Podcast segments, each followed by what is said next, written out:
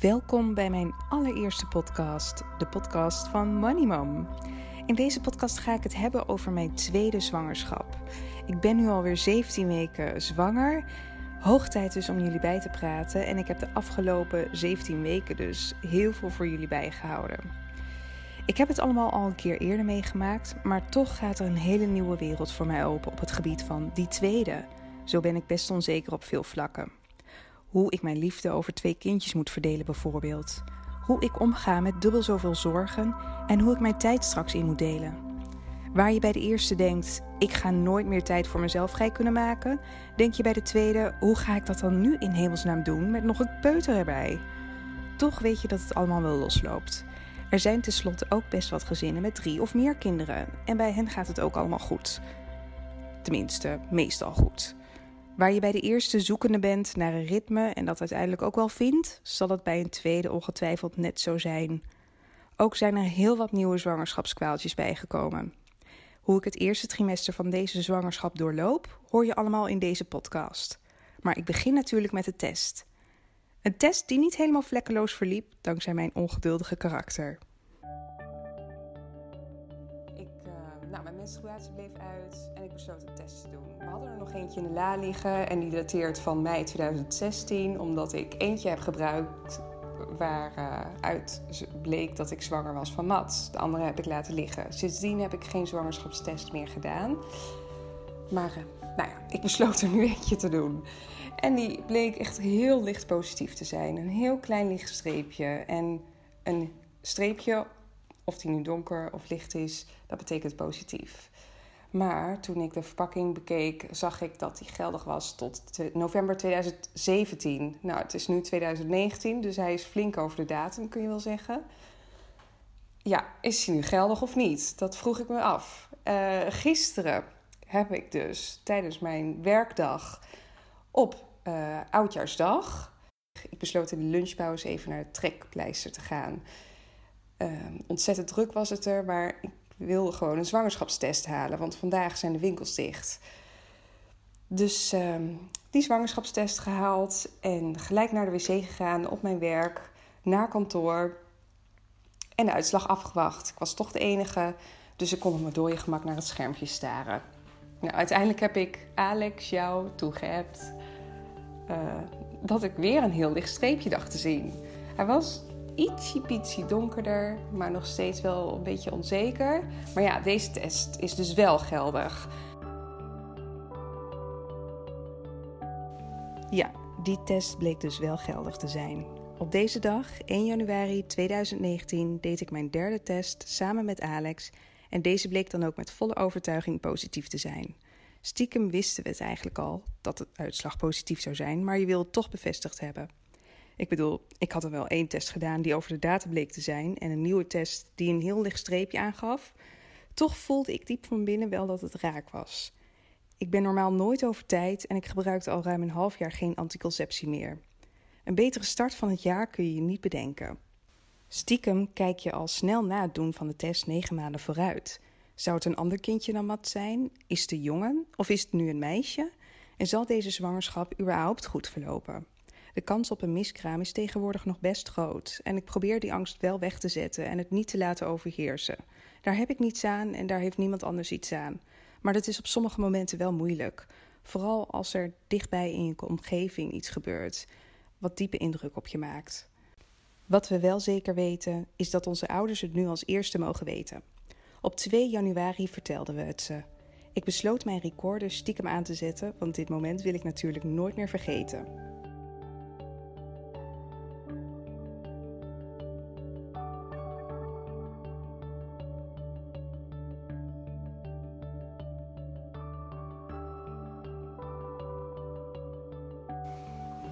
Mats, kan jij ook al wat zeggen tegen opa en oma? Wat kun je zeggen, Mats? Wat kun je zeggen? Dat Mats een grote broer wordt. Oh, echt? Ja. Ja. Oh, nee. Oh, ja. gefeliciteerd.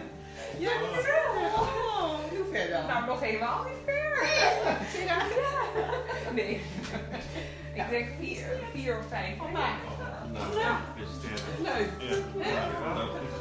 Ja, ja, het moet natuurlijk wel voor eer goed gaan. Hè? Dat kan ook gebeuren. Ja. Ja. Ja. Ja. Ik wist dat je het ging zeggen. Toen jij zei, wat kan je allemaal zeggen? En wat moet wel zeggen? Luister, ik broertje. Ja.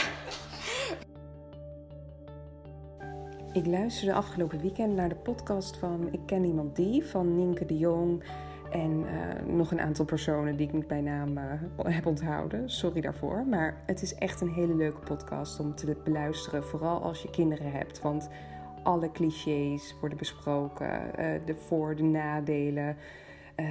Ja, het zijn hele leuke, gezellige podcasts vooral. En toevallig ging het afgelopen weekend over de tweede, het tweede kind. En ze interviewde daarbij Lynn Berger, die onlangs ook een boek heeft geschreven over een tweede kind. En daar staan echt hele eh, verhelderende dingen in. Dus ik ben zeker van plan om het aan te schaffen. Maar ik hield dus wel een beetje mijn hart vast voor die podcast. Want ze bespraken boeken zoals eh, How to Survive Your Second Child. Die titel is heel eh, raar gekozen, want niemand wil zijn tweede kind overleven. Maar zo klinkt het ook alsof het echt een, een kwestie van overleven is. Van het overleven van die fase waarin jouw tweede kind jong is. Eh, ja, hoe overleef je die fase? Terwijl het ook een hele leuke fase zou moeten zijn.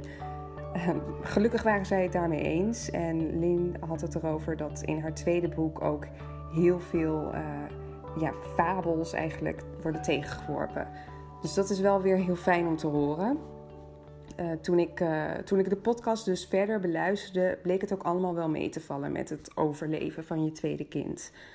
Er is een onderzoek onlangs geweest van de Sociale Verzekeringsbank over het gelukkig zijn van één of met twee kinderen. En daaruit bleek dat stellen met twee kinderen iets minder gelukkig zijn dan de stellen met één kind.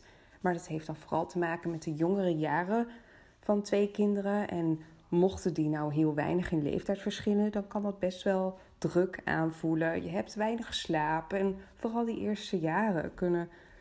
Nou ja, daar- daarin kun je je minder gelukkig voelen. Er komt misschien wat druk op je relatie te staan. Je lijdt onder het slaapgebrek. Maar dat, dat is allemaal gemiddelde. Dus ik denk dat we dat ook weer niet te serieus moeten nemen. Ieder gezin en ieder stel en ieder kind daarin is anders. Alex, denk jij dat Mats een lokbaby is? Ja. Dus van Mats zou je er wel vijf kunnen hebben. Of tien. Nou, wel vijf. Ja, dat denk ik ook wel. Mats is zo rustig, hij slaapt goed, hij eet goed. Hij is bijna nooit ziek. Gewoon de, de gemiddelde virusjes pikt hij op. Dus ik denk wel dat Mats zo'n typische lokbaby is. En voor wie het fenomeen lokbaby niet kent, dat is dus nou ja, meestal je eerste kind. Waardoor je denkt, nou, hiervan kan ik er nog wel vijf. Laten we maar gelijk voor een tweede kindje gaan.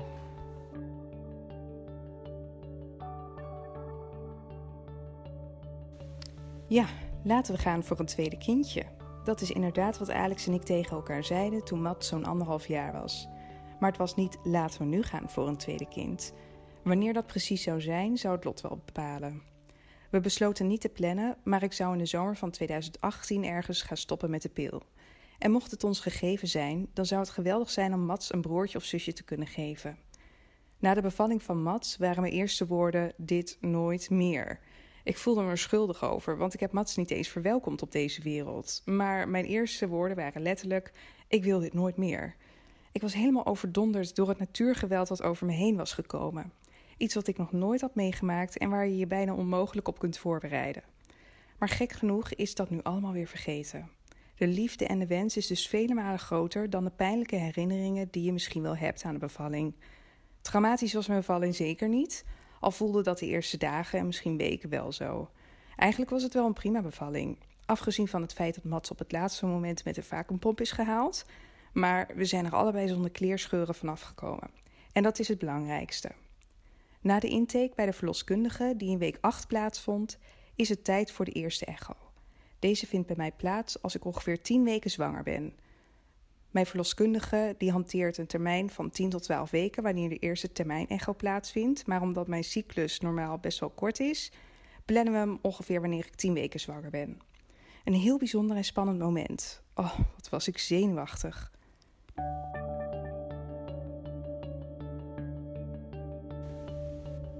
Het is vandaag 15 februari, de dag na Valentijnsdag. En uh, het is een hele mooie dag. Een lentedag, dus ik hoop dat dat veel goeds gaat brengen. Ik ben best wel zenuwachtig. Maar ja, dat was ik bij de eerste ook, Mats. De eerste echo. Logisch ook, want uh, het is toch wel je eerste. En dan uh, zien ze ook of alles goed zit. Ik heb nog uh, alle symptomen eigenlijk. Ben jij zenuwachtig? Nee. Nee? Nee. Nou, een beetje. Was je dat bij Mats? Ja. Ja? Dus je bent nu minder zenuwachtig? Ja, ja misschien ik ook wel. Ik weet niet. Misschien omdat je dan toch wel wat geruster bent, omdat je weet hoe het allemaal zit en wat erbij hoort. Maar ja, Mats is nu mee.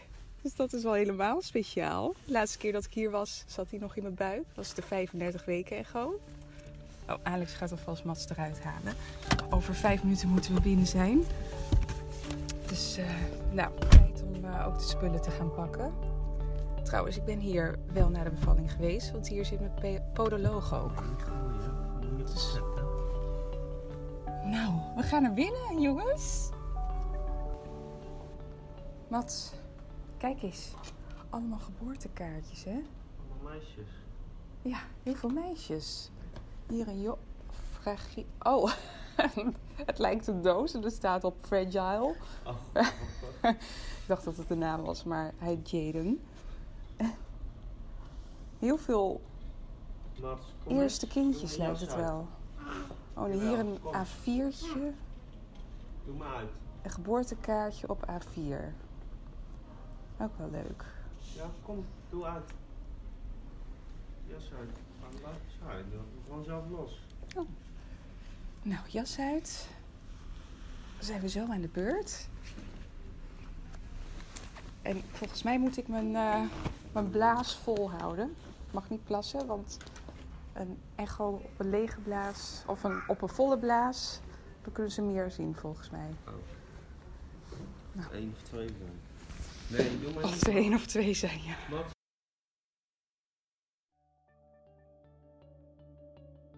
Ik wilde eigenlijk een geluidsfragment opnemen tijdens de echo, maar het liep, verliep allemaal heel chaotisch. Mats die begon enorm te gillen toen ze met dat grote ding tevoorschijn kwamen en die op mijn buik plaatste.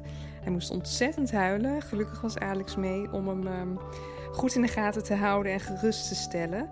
Maar daardoor eh, verliep het best wel eh, in chaos. En ik was alleen maar gefocust met mijn blik op het grote scherm voor me. Maar al heel snel zagen we eh, de foetus in de baarmoeder en een heel mooi kloppend hartje. En dan valt er een enorme last van je af.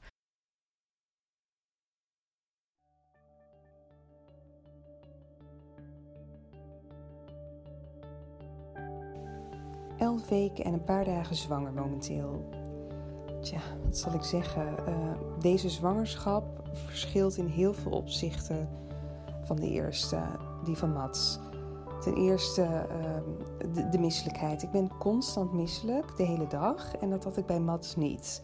En nu valt het alsnog mee hoor. Ik heb nog geen enkel één keer hoeven overgeven of eh, dat ik naar huis moest of op bed moest liggen.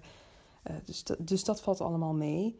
Maar het gaat meer om mijn referentiekader. En ik denk dat van heel veel zwangere vrouwen die misselijk zijn.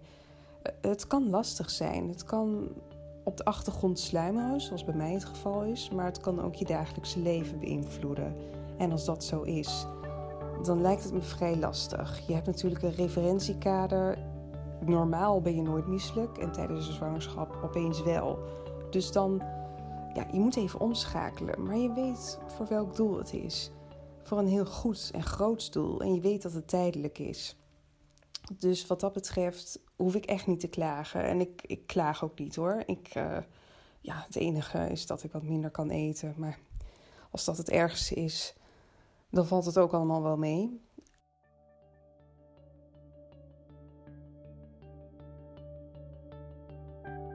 Ik ben op dit moment iets meer dan 13 weken zwanger. En ik merk dat de misselijkheid zo goed als is.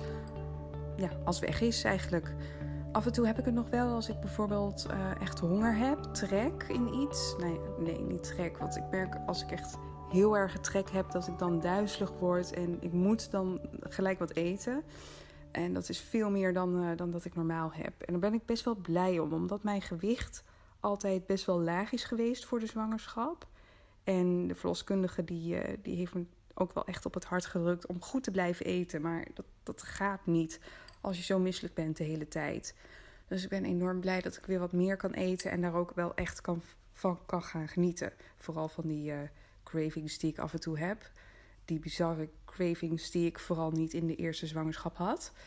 Maar goed, ik ben heel blij. Uh, het kan altijd nog erger. Ik besef me dat ik best wel geluk heb gehad met de mate van misselijkheid die ik in, de eerste, in het eerste trimester had. Ik, uh, ik was bijvoorbeeld gisteren bij uh, een verjaardag van een vriendin van me. En ik reed met een oud studiegenootje mee. En haar had ik al tien jaar niet gezien. Dus het was heel gezellig om bij te kletsen. En het ging ook over onze zwangerschap. Zij is namelijk zwanger van haar eerste kindje. Op dit moment is ze rond 24, 25 weken. En we hadden het over onze misselijkheid. In het eerste trimester vooral. En ik vertelde dat ik niet zo heel veel last had gehad van misselijkheid. Niet extreem, in ieder geval dat ik moest overgeven. Er was gewoon mee te leven. Het beïnvloedde niet mijn dagelijkse leven. En zij vertelde dat ze dus last heeft gehad van extreme zwangerschapsmisselijkheid. En het heeft een naam, hyper nog iets. Ik weet het niet precies. Ze heeft het wel verteld, maar het is in ieder geval een medische term. Want het is bij haar ook echt medisch geworden. Ze is een week lang opgenomen geweest in het ziekenhuis. En ze heeft er uiteindelijk acht weken echt extreme last van gehad. Ze kon praktisch niets. Het enige wat ze kon doen is op bed liggen met de gordijnen dicht. Geen prikkels voor haar ogen, geen visuele prikkels dus. Ze mocht geen tv kijken, uh, nou geen Netflix, whatever. En um, geen telefoon, geen boeken. Ze kon alleen maar luisteren naar luisterboeken, podcasts, dat soort dingen als ze een appje kreeg, dan kwam haar moeder naar boven. En dan uh, moest zij dan weer zeggen wat haar moeder moest antwoorden op dat appje. Ja, echt vreselijk. Um, ik, ik, vond het echt zo sneu voor haar. Want op dat moment weet je ook niet hoe lang het gaat duren. Er zijn heel veel gevallen waarin het negen maanden lang heeft geduurd. En dat kan volgens mij echt psychische gevolgen voor je hebben. Niet alleen voor jezelf, maar ook voor je relatie, je hele leven eromheen. Uh, misschien uh, ja, is het wel een posttraumatische stressstoornis wat het kan uh, veroorzaken. Dus ik ben enorm blij ook voor haar dat het na 15 weken zo goed als weg was. Vanmorgen ging ik alweer naar de derde afspraak bij de verloskundige. En ik nam Mats mee, omdat Alex thuis bezig was met het ophangen van onze nieuwe shutters. En um, ik kreeg dus een, geen echo, maar ze gingen naar het hartje luisteren. En Mats ging echt helemaal in paniek huilen. En hij vond het vreselijk om te zien dat iemand wat deed bij zijn moeder. En hij wist niet wat er gebeurde. En het was bij de echo ook zo. Dus uh, echt zo sneu om te zien. De tranen biggelden over zijn wangen. En die vrouw was ontzettend lief voor hem en stelde hem gerust. Maar alsnog vond hij het hartstikke eng. Maar ja, ik heb dus voor het eerste keer het hartje gehoord. Uh, ik heb hem natuurlijk wel gezien op die eerste echo, maar het is ook wel heel bijzonder om hem dan weer te horen. Dus ik ben nu alweer. Uh, het eerste trimester is, als het goed is, voorbij. En dat is natuurlijk ook wel het meest risico, risicovolle stuk van je zwangerschap. En ik ben ook wel heel blij dat dat nu voorbij is. Uh, mijn buik begint echt nu goed te groeien. Als ik lig, voel ik een bobbel die steeds groter wordt. Ik kan mijn normale broeken nog aan. Alleen na de lunch beginnen ze strakker te zitten. Na het avondeten moet hij echt, moet hij echt los. Dan uh, kan ik mijn normale broek niet meer aan. Ik ben op dit moment een uh, biscuittaart aan het maken. Want we hebben om 1 uur een geslachtsecho, een pret-echo. En ik had een beetje een last minute idee gisteren om een taart te bakken, een gender reveal taart. En die dan smiddags te laten zien aan de mensen die beschikbaar waren. Die konden komen, mijn ouders, mijn schoonmoeder en wat vrienden. Ik zet hem nu in de, in de oven. Een beetje last minute van je. Ja, Alex die vindt dus dat ik uh, Dat ik het niet had moeten doen. Dat ik het eerder had moeten plannen.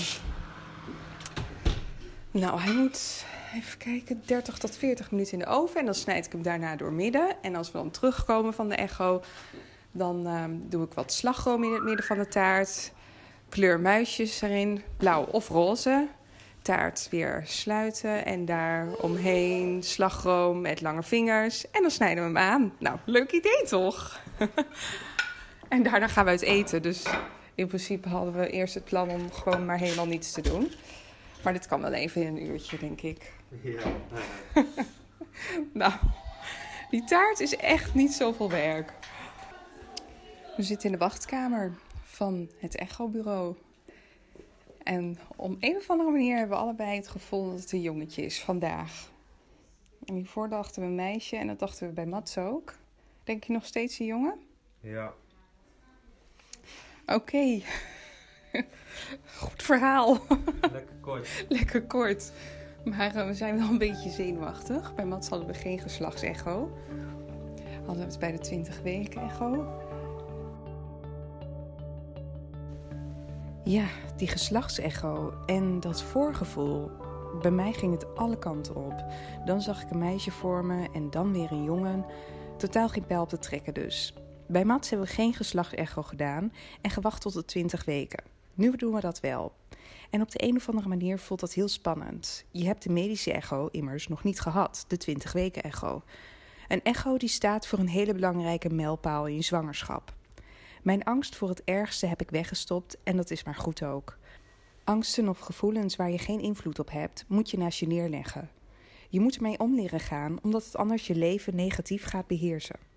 En ik moet eerlijk toegeven dat ik die angsten nu meer heb dan toen ik zwanger was van Mats. Misschien omdat ik meer moeders volg, me meer omring met vrouwen die ook zwanger zijn van hun eerste, tweede of derde. En ook vrouwen die een kindje verloren hebben. Na de geboorte, tijdens de geboorte, na 20 weken of voor 20 weken. Het is allemaal schrijnend, verdrietig en zo ontzettend pijnlijk. Echt, tranen springen me in de ogen als ik een post voorbij zie komen van een miskraam of een, een doodgeboorte. Ik heb het idee dat het taboe wel eindelijk is doorbroken. En dat lijkt me voor die moeder zo fijn. Je verhaal wordt gehoord, je kindje heeft bestaan. En op deze manier kennen mensen zijn of haar naam. En er zijn talloze lotgenoten, meer dan je denkt. Die weten wat je meemaakt en wat je wel en niet kunt zeggen of doen in zo'n situatie. Het raakt me diep, heel diep. Maar ik wil mijn hoofd er niet voor afwenden. Want ja, ik, ik vind dat deze kindjes ook een kans verdienen om gekend te worden. Al is het maar een persoon meer die hun naam kent en hun verhaal hoort. Ik hoop het oprecht nooit, maar dan ook nooit mee te maken. En ik gun het ook niemand. Maar ik denk dat ik die angst nu wel een plekje kan geven. Misschien komt het door de zwangerschap, maar ik denk echt dat je lichaam nu een bepaald hormoon aanmaakt. Dat ervoor zorgt dat je je niet te druk kunt maken om dingen waar je toch geen invloed op hebt. Goed, nu willen jullie natuurlijk allemaal het geslacht weten. Ik zal een filmpje delen van het aansnijden van de taart.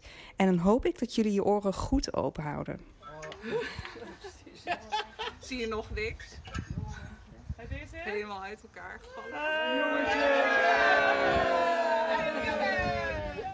Nou, dit was hem dan. Mijn allereerste podcast. Ik hoop dat jullie hem heel leuk vonden. Ik vond het in ieder geval een ellende om te bewerken, maar enorm leuk om op te nemen. Maar ja, voor alles een eerste keer en de volgende keer zal ik er vast wat handiger in zijn. Laat me vooral weten wat je van deze podcast vond door een reactie achter te laten onder deze podcast of door me gewoon een berichtje te sturen via Instagram. Tot de volgende keer.